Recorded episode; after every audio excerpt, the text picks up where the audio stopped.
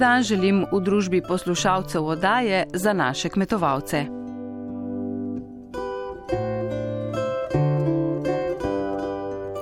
Zaščitni ukrepi pod skupnim geslom Ostanimo doma seveda vplivajo tudi na kmetijstvo. Prizadete so turistične kmetije, dopolnilne dejavnosti na kmetijah, vinarstvo in še kaj. Ker pa tudi države vse bolj zapirajo meje, se že nakazujejo težave v izvozu kmetijskih pridelkov. Posledično bi to lahko znižalo odkupne cene. O tem, kako ustrezni so ukrepi v tako imenovanem mega proti korona zakonskem paketu za kmetijstvo, bomo slišali v začetku oddaje. Že v pretekli oddaji smo govorili o tem, kako se razmeram prilagaja lokalna prodaja kmetijskih pridelkov in živil, ki se intenzivno preusmerja na splet. Pri tem so aktivne tako občine kot druge akcijske skupine. Slišali bomo eno zanimivejših zgodb, ki je na Krasu in Brkinih nastala prav zaradi prepovedi druženja v skupinah.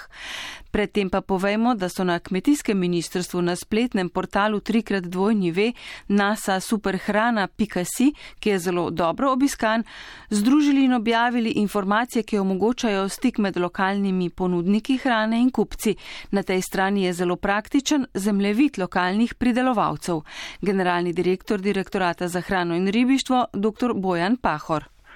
Na tem zemljevidu lahko kmetje, eh, torej ponudniki in tisti, ki eh, kupujejo, eh, najdejo v svojem območju bodi si ponudbo ali popraševanje. Ne? S katerimi ukrepi pa ministrstvo spodbuja te prodaje kratke lokalne verige in pa verjetno spodbujate predvsem povezane skupine, tudi če govorimo o prodaji prek spleta? Drži.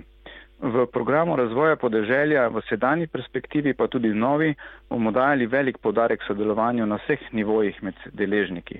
Na voljo je več v, v možnih ukrepov, ki podpirajo to vrstno sodelovanje, kot so naprimer LIDER, pod, pod ukrep PRP, ki je namenjen spodbujanju vzpostavljanja kratkih dobavnih verik in lokalnih trgov. Ta je še posebej zanimiv, zato ker je mogoče dobiti do 100 tisoč evrov nepovratnih sredstev za tiste, ki, ki izpostavijo kratke verige, se pravi med proizvajalcem in direktno potem že kar prodajam eh, zadrugo recimo. Ne. Eh, možnosti pridobiti zagonske podpore za organizacije in skupine proizvajalcev. Tudi tukaj so eh, visoka sredstva, eh, ki, do katerih lahko organizacije in proizvajalci dostopajo. Potem imamo podokrep, ki je namenjen predelavi in trženju kmetijskih proizvodov. Skratka, na voljo je kar nekaj ukrepov v programu razvoja podeželja, do katerih lahko ponudniki to vrstnih storitev pristopajo in moram reči, da se da se, so se odločili za prijave in da imamo vedno več prijav, kar nas veseli. Novi koronavirus prinaša tudi zbistritev pogleda na strateški pomen kmetijstva in celotnih kmetijsko-živilskih oskrbnih verik, vse do semena. Zdravo seme in drug razmnoževalni material je pogoj za zdrav pridelek in je tudi ključnega pomena za kmetijsko proizvodnjo, kot tudi za okolje in gospodarstvo. V nadaljevanju odaje bomo govorili o stanju na področju lastne oskrbe s semeni. Ob koncu odaje pa bomo poklepetali poklepetali s podjetno mlado kmetico, ki razvija uspešno zgodbo proizvodnje zelišč v zeliščnem vrtu Majnika.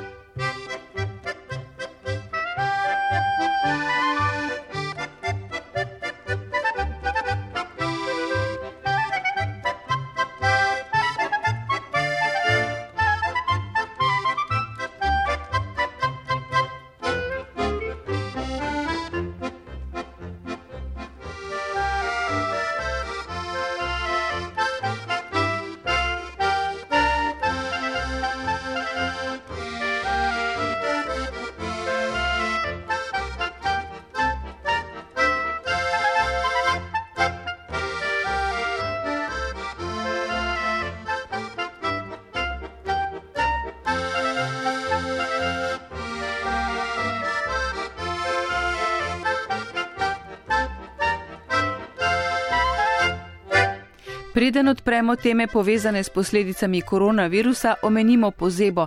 Ta je sredi marca in v zadnjih dneh naredila veliko škode na sadnem drevju. Prve ocene z Vipavskega, Goriških brd in Koperskega je zbrala Ingrid Kašca Bucik. Marelice in breskve so bile v polnem cvetenju in zato je pozeba naredila veliko škodo, saj so temperature padle odločno pod ledišče. V goriških brdih je pozeba večino breskov in marelic prizadela že sredi marca, zadnje dni temperature niso bile tako nizke in so delno prizadele cvetoče češnje v nižjih legah. Huje je v Vipavski dolini, pojasnjuje kmetijski svetovalec Rajko Črv. Ja, zgornja Vipavska dolina je imela že 17. marca temperaturo minus 3,9 stopinj tudi je praktično tista temperatura močno prizadela marelice, ki so bile takrat v polnem cvetenju. Te temperature, ki so bile pa včerajšnji dan, se pravi prvega in danes drugega, so pa nekje od minus 3 pa do minus 6 stopinj v teh nižje ležečih delih Vipavske doline, praktično uničile 100% breskove nasade. Prizadete so marelice, kolikor jih že prva pozeba ni uničila, češnje vse tiste, ki so že razcvetele in uh, vse ostalo sadje. Kaki recimo je tudi zelo prizadet, tako da praktično ko bomo naredili oceno, jaz mislim, da bo med 70 in 100 procenti.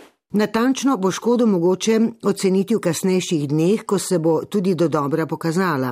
Rajko Črva smo povprašali še, ali je v tej fazi mogoče karkoli rešiti. Ja, dajmo upati, da se temperature ne bodo več spuščale v naslednjih dnevih. Sicer pa vsa agrotehnika, ki je na razpolago razen oroševanja, praktično ni učinkovita, tako da bi jaz rekel, da bi bilo možno reševati z kakšnimi agrotehničnimi ukrepi. Trenutno stanje mislim, da ne. Edino, da se temperature več ne spustijo in to je edina rešitev. Breskve so pozeble tudi na Koperskem, posebno v Vanganelski dolini. Na više ležečih območjih so temperature v tem času običajno više in tako je bilo tudi tokrat na celotnem primorskem. In zdaj k drugi nadlogi epidemiji koronavirusa. Državni zbor je sprejel mega protikorona zakonski paket za pomoč gospodarstvu, tudi kmetom živilski industriji, ribištvu in gozdarstvu. Tisti, ki jim je namenjen, ga pozdravljajo in povedo, da se bojijo sprememb na trgu. Cvetko Zupančič, predsednik Kmetijsko-gozdarske zbornice Slovenije. Kot vemo, se zbornica eh, zelo vključuje in je upeta v nastajanje zakonov eh, za eh, ukrepe, ki ublažijo posledice koronavirusa. Kateri od teh ukrepov v prvem paketu mega zakona bojo tudi za kmetijstvo najbolj dobrodošli, ko vemo, da se uvaja finančna pomoč nosilcem kmetij do 80 odstotkov minimalne plače, ko vemo, da so oprostitve prispevkov, oprostitve plačila kontacije dohodnine, zniževanje katastarskega dohodka in podobno. Ja, kar nekaj tega iz tega prvega sklopa ukrepov. Eh, ste že tudi sami našteli. Se pravi, eh, mi eh, pozdravljamo te ukrepe, mislim, da so zelo podobni, kot jih ima tudi gospodarstvo. Tako da predvsem v delu, ko govorimo o socialnih ukrepih, kot govorimo o davčnih ukrepih in pa seveda ta drugi del izpad dohodka, ki pa je malo manj zajet, v katerega pa se mislimo aktivno vključiti pri drugem sklopu ukrepov, eh, kajti na terenu se pojavljajo problemi, da eh, je so viški. Mi smo pri tej, pri razglasiti epidemije pričakovali, da bo bolj pomankanje, kakor pa da bodo nastali viški. Viški česa? Uh, viški, se pravi mleka, mesa, uh, vina, ko gre, govorimo o mesu, so tudi viški jagnetine, konjskega mesa in tako naprej. Se pravi, eh, da eh, proizvodna pri kmetih je eh, tako, kot je bila prej, seveda se je pa ustavil trg, ne? se pravi, nič več se tako ne prodaja čez meje, pa tudi slovenska domača potrošnja je padla. Se pravi, zaprti so vrtci, šole, zavodi, hoteli in to se pozna predvsem pri uh, potrošniku, da ne nabavlja teh živil v tej meri. Uh, tako da uh, imamo problem na tem delu in bomo predvsem, če pravimo, da smo zadovoljni z ukrepi, ki jih daje ta prvi sežen, kot sem že prej omenil, socialni del in davčni del, bomo v tem drugem delu predvsem predlagali, da gre ukrepi v tej smeri, da odpravimo probleme teh, teh viškov in predlagamo seveda vladi, da gre v interventni odkup, da pomaga iskati tudi tuje trge, druge druge možnosti, po katerih bi nekako te viške odkupili. Zakaj o tem govorim? Ker viški pomenijo tudi znižene cen in ta trenutek, kakršen koli padec odkupnih cen bi bil za kmete nesprejemljiv, prvič iz dohodkovnega dela, drugič pa tudi iz moralnega dela.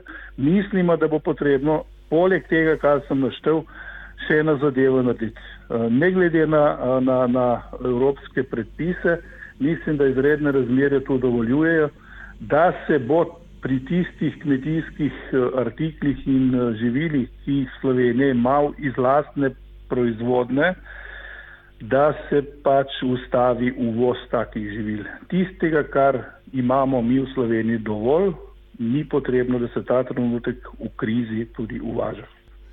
Po eni strani vi omenjate viške določenih pridelkov, eh, predvsem eh, mesa, mleka, po drugi strani pa vidimo, da ta majhna prodaja, lokalna prodaja, je pa ravno obratno. Tam pa uh, kmetje sploh nimajo dovolj glede na povpraševanje.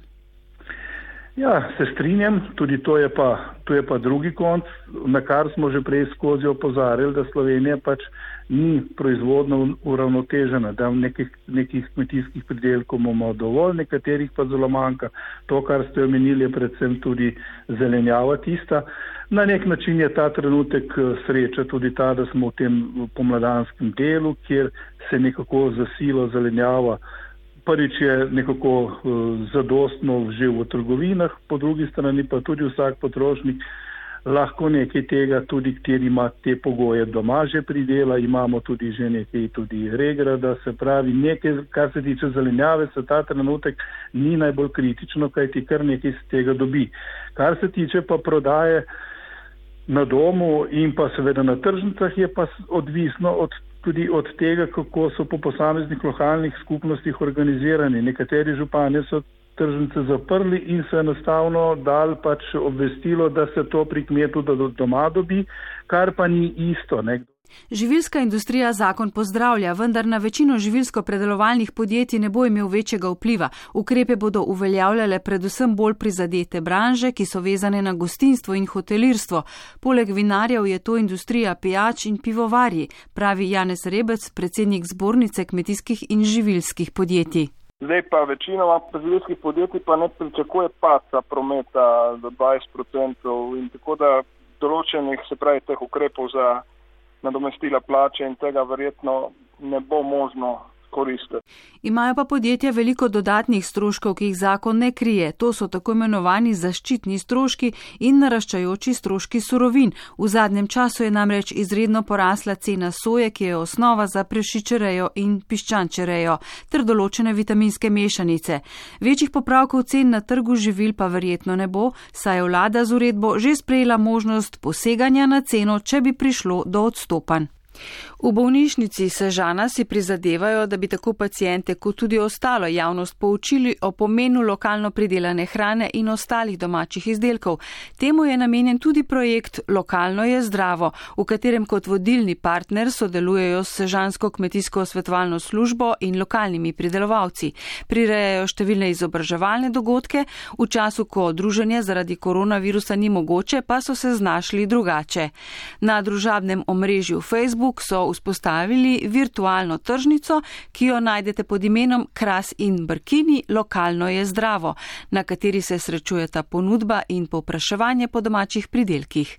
Sabrina Mulec se je najprej pogovarjala s koordinatorko projekta Adriano Šonc, svoje izkušnje s to vrstno tržnico pa je zaupala tudi Mateja Marc z ekološke kmetije Brinjevka. Bolnišnica Sežana kot zdravstvena ustanova izvaja dejavnosti preventiv in kurativ tudi z področja prehranjevanja in s tem povezanimi kroničnimi boleznimi in obolenji. Glede na strukturo naših pacijentov se v naši bolnišnici poleg zdravljenja in dobre zdravstvene oskrbe zavedamo tudi izrednega pomena primerne ter zdrave prehrane pacijentov v času hospitalizacije. V ta namen imamo tudi zaposlene dietetičarke, ki nudijo vsem našim pacijentom individualne obravnave, in seveda jih tudi spremljajo ob odpustu iz naše bolnišnice, saj smo nekako ugotovili, da če se pacijent, bolnik vrne na stara pota, mu potem tudi ta zdrav način in posebna vrsta prehranjevanja neveliko pomaga pri rehabilitaciji. V tej dani situaciji smo bili primorani tudi mi razmišljati izven okvirjev, saj smo bili prisiljeni, da smo vse naše skupne aktivnosti v mesecu marcu in aprilu odpovedali. Tako smo dobili idejo oziroma smo naredili plan B.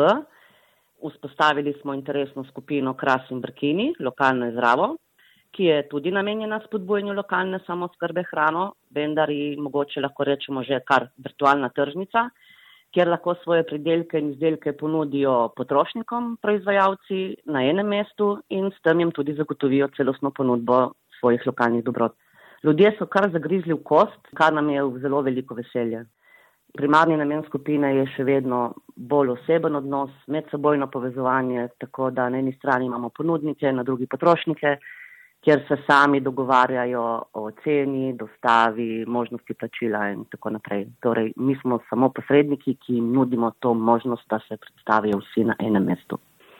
Odzivov je kar veliko, veseli nas sploh glede na tiste objave oziroma zahvale, ki jih dobivamo od ponudnikov nazaj da so v enem samem, samem dnevu naprimer, že zapolnili prednaročila, naprimer, predvsem kar se tiče mesa.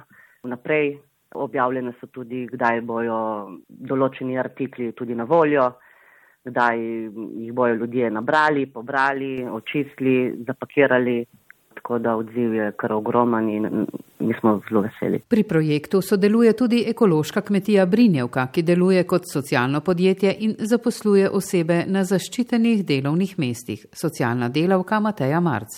Trenutno imamo v ponudbi ekološko zelenjavo, imamo tudi eh, moko, testenine, piškote, marmelade, vložnine in čaje. In pol v trgovini Kraški kotiček v Sežani imamo tudi v torkih in petkih odprto od 3 do 4 za prehodna naročila in tam poleg vseh naših pridelkov iz kmetije ponujemo tudi eh, pridelke ostalih eh, kraških proizvajalcev. Tukaj imamo tudi suhe kraške mesnine, pa imamo tudi brinjevec, brinžin, kraški med, naravno kozmetiko, ovčin kravi sir, čestila in še nekatere druge stvari. Kako pa ste zadovoljni eh, s prodajo prek Facebooka v tej skupini Lokalno je zdravo? Se vam zdi, da je pa vpraševanje? Ja, trenutno se mi zdi, da je vpraševanje kar veliko. Se mi zdi, da tudi stranke so začele ceniti to lokalno zdravo hrano, tako da imamo tudi zdaj v tem času več naročil kot ponavadi.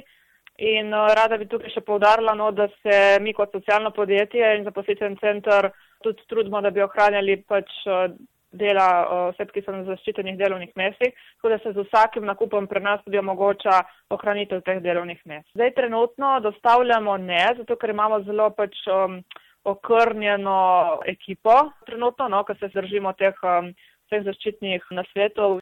Tako da trenutno imamo samo prodajo na ekološki kmetiji Brinjevka v Malem doli, se pravi vsak dan um, od 10. do 14. in pa od torkih in petkih imamo od 3. do 4. po trgovini Kraški kotiček tudi možen prevzem. Po katerih dobrinah pa v teh dneh kupci najbolj poprašujejo? Zdaj najbolj poprašujejo predvsem po ekološkem radiču, tudi solati, česno, čebuli, zelo veliko popraševanja po ekološki moki, predvsem pirini in pšenični. Nekaj večje tudi popraševanja po mlečnih izdelkih, tako da imamo zdaj tudi možnost nakupa ovčaha in kravjega sira in pa tudi testenine in tudi piškoti še zmerino. Testenine in piškote proizvedemo sami svoje ekološke moke.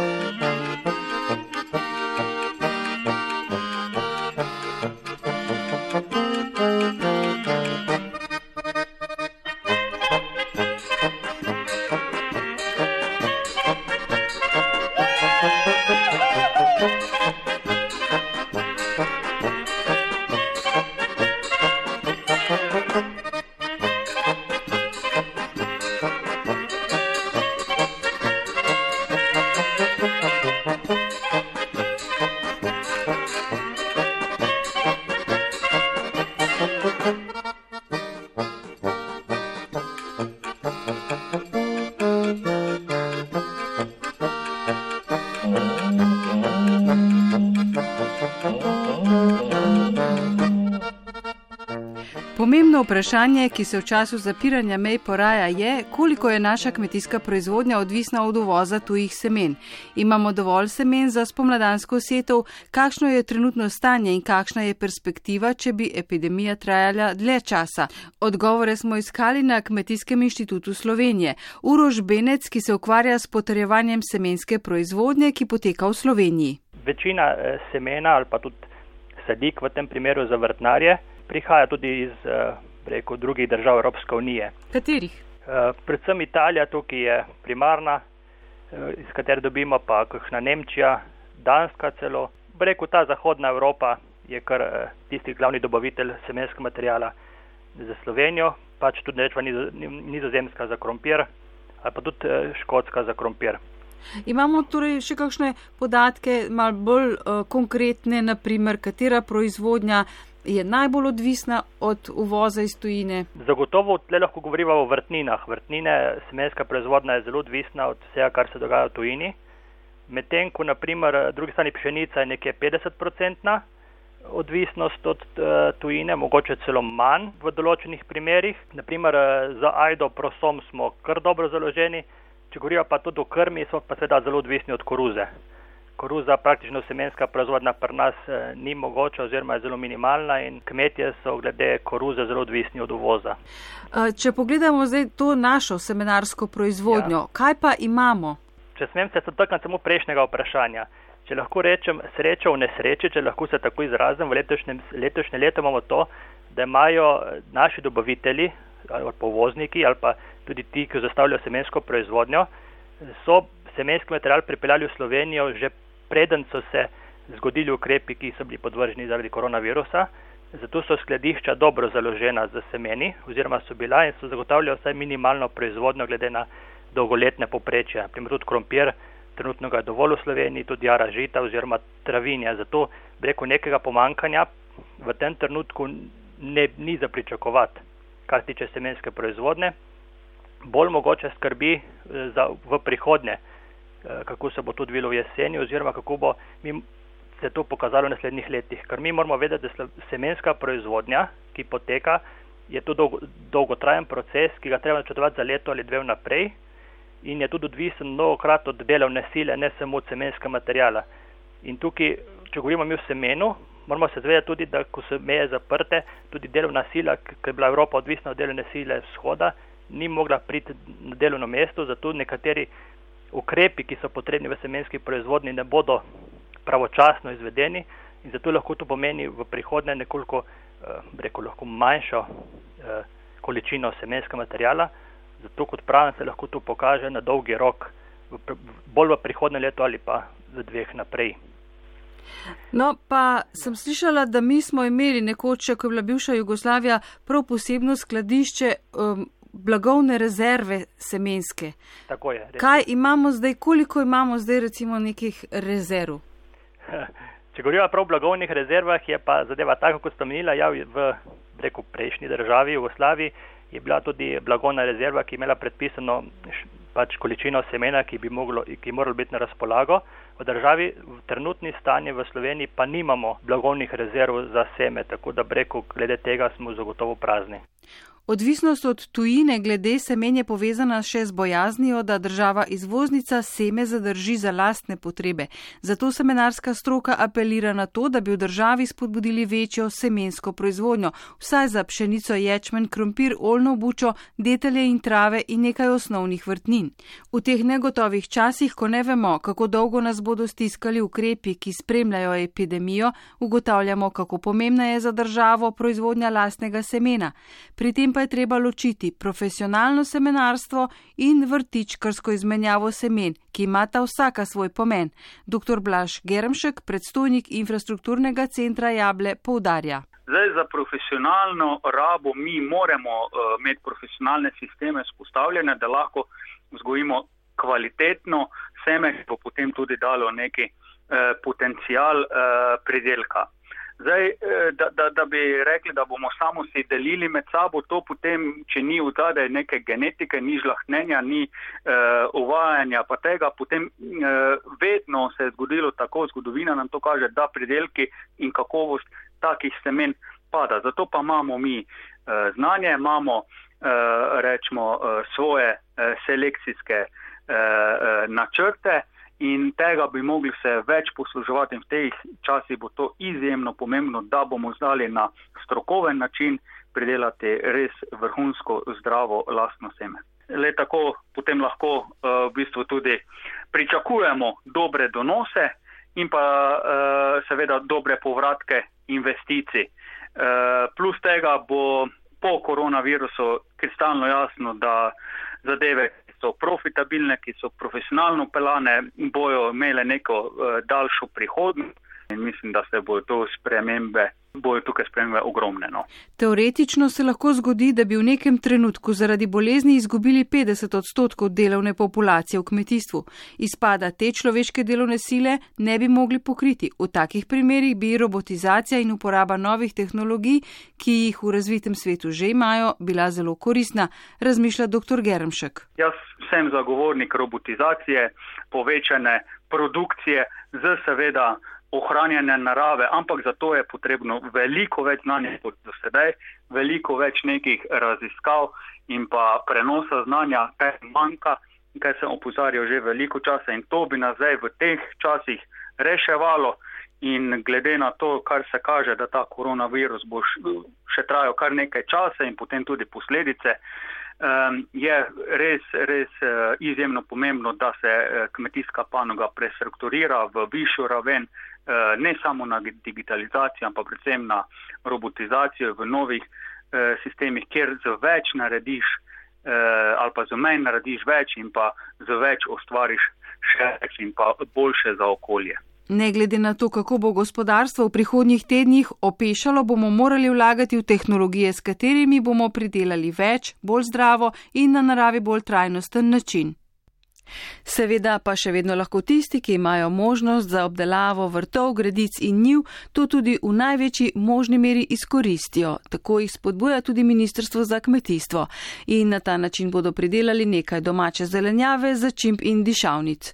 No, mi pa smo poklepetali s Katjo Temnik, bivšo profesionalno košarkarico, ki trenutno skrbi za šest hektarov obdelovalnih površin, na katerih so zelišča, lešniki in visokodebelne jablane. Zeliščni vrt z imenom Majnika je zasnovala njena mama Majda, Katja pa s pridelavo zelišč po biološko-dinamični metodi in prodajo zeliščnih izdelkov razvija podjetniški posel. Z izdelki oskrbujejo bližne vrtce in šole, prodajajo pa tudi preko trgovin z ekohrano in zadruge zeleni zabojček. V Brezju pri Polčanah so pred štirimi leti kupili kmetijo, na kateri so s pomočjo nepovratnih sredstev iz programa razvoja podeželja zasadili ekološke lešnike in visokodebelne zelene jablane.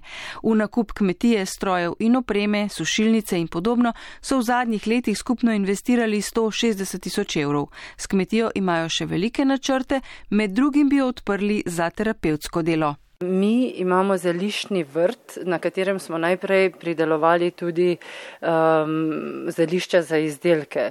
Zdaj se je povpraševanje tako povečalo, da je v bistvu zeliščni vrt uh, namenjen predvsem predstavitvam, ogledom skupin, uh, raznih delavnic otrokom. In tam raste odvisno od sezone, kako nam uspe, pa kako tudi narava da, od 150 do tudi do 200 različnih zelišč ne, različnih vrst, s tem, da morate vedeti, da med je lahko zelo veliko. Včasih imamo kako sezono, ko jih imamo 30, ker so to jabolčna, pa ananasova, pa čokoladna. In ljudje radi vidijo neke posebnosti. Ampak eh, naš, bom rekla, povdarek pa je na pridelovanju uh, zelišč za trg, tudi ker ljudje vse bolj potem spraš, uh, povprašujejo, predvsem ker so naveličani industrijskih filter vrečk čajev. Tako da mi leto smo um, pridelali zelišča na enem hektaru, mogoče se zdi to malo, ampak uh, zasajujemo še uh, naslednji hektar to pomlad, ampak glede na to, da zelišča, če jih nekako uh, znaš, um, delati z njimi, če ti je narava naklonjena in v bistvu z uporabo biodinamike tudi se zelo blažijo te vplivi podnebja, uh, potem lahko na enem, dveh hektarjih pridelaš ogromno, ker morate vedeti, naprimer, meto, meliso, če je dobra sezona, mi jo lahko režemo tudi štirikrat, petkrat, kar pomeni, če imaš en hektar, je to pomeni bistveno um, realnih pet hektarov ne, uh, pridelovalnih površin. Eno je zeliščni vrt, uh, drugače pa ste kupili potem še leta 2016 kmetijo. S katerim imate tudi kar velike načrte. Z zelišči uh, vsekakor smo v sodobnem kmetijstvu soočeni s tem, da primarna proizvodnja, se pravi prodaja zgolj surovine, kmetu ne prinaša nikakor dobenega dobička, težko tudi obstoj. Se pravi, kmetija mora prodajati končne izdelke tudi. Lahko neki proizvaja kot surovino, ampak končni izdelek je tist, ki ti da neko dodano vrednost, ki ti da tist zaslužek, da ti lahko kmetijo razvijaš. Zato uh, smo mi že od samega začetka poleg um, primarnih izdelkov zeliščnih čajev in soli tudi imeli storitvene dejavnosti, ne, kot so ogledi zeliščnega vrta, razno razne delavnice, ampak ko se je po, um, povpraševanje po izdelkih toliko povečalo, uh, šele takrat, ker v bistvu teh, ta prvi hektar, s katerim smo začeli, imamo v najemu, sploh ni naša last, ampak mi dve z mamo smo iz ljubezni do, do tega, kar počnemo, do pridelave, do razvijanja biodinamičnih uh, načinov kmetovanja, pač uh, to se nam je zdelo vredno, da plačujemo najem za to zemljo. Uh, potem, ampak potem se je popraševanje povečalo, tako da smo razmišljali, pa je vseeno dobro, da imamo neki v svoji lasti zemlje in se nekako na ključe ali ne, pokazalo, da smo kupili lahko opuščeno kmetijo 15 km stran eh, in katero smo tudi zasadili z lešniki. Skratka, želim povedati, to je bistven del, pa glavni del so pridelava zelišča in to je tisto, kar mene osebno najbolj zanima, se pravi, kako se spopadati z um, vedno večjimi uh, vremenskimi ekstremi, pa hkrati pridelati um, zelišča zunaj, se pravi, brez zaščitnih prostorov. In jaz mislim, da smo to sposobni uh, narediti in na nek način že to tudi dokazujemo. Uh, Torej, imamo pridelavo, je bistven del zelišča, ampak hkrati pa razvijamo, je velik pomen za našo kmetijo in biodiverziteta. Se pravi, mi imamo nasad visokodebelnih jabolk, imamo lešnike, imamo um, nekaj um, jagodičevja. Vse to je zelo pomembno za ekosistem kmetije in za to, da mi lahko sploh zelišča v redu pridelamo. Mogoče se nekomu zdi, um, da je to odvečen čas, odvečna energija, konec koncev tudi denarja, ampak za stabilnost tega, da bomo imeli redno proizvodno, je to zelo pomembno. Hkrati pa je pomembno tudi to, da vse več ljudi v naravi, sploh v nekem kvalitetnem bivalnem okolju, najde nove moči za delo v tem stresnem tempu življenja. In to bi si mi z te načrte imamo s kmetijo. Torej, da in da pridelujemo najbolj kvalitetna zelišča in ostalo hrano, kar bomo lahko, in pa hkrati, da omogočamo ljudem, ki jih to zanima, hkrati ljudem, ki, jih, ki to potrebujejo, pri tem, pri tem predvsem mislim določene ranljive skupine, kot so mogoče otroci, odrasli s posebnimi eh, potrebami, z avtizmom, da se da, da bo naša kmetija tudi prostor za takšne dejavnosti, ker narava, rastline, živali, to so izjemno terapevtsko delujejo na vsake, bom rekla, zdravstvene težave. In tako jaz gledam na kmetijo, se pravi, ne samo kot proizvodno ali pa samo kot neko turistično, turistično, ker se gremo turizem, ampak eh, resnično celovito od eh, pridelave do prodaje pa hkrati kot nekega širšega dobrega okolja, za, eh, ki deluje terapevtsko za družbo, v kateri živimo.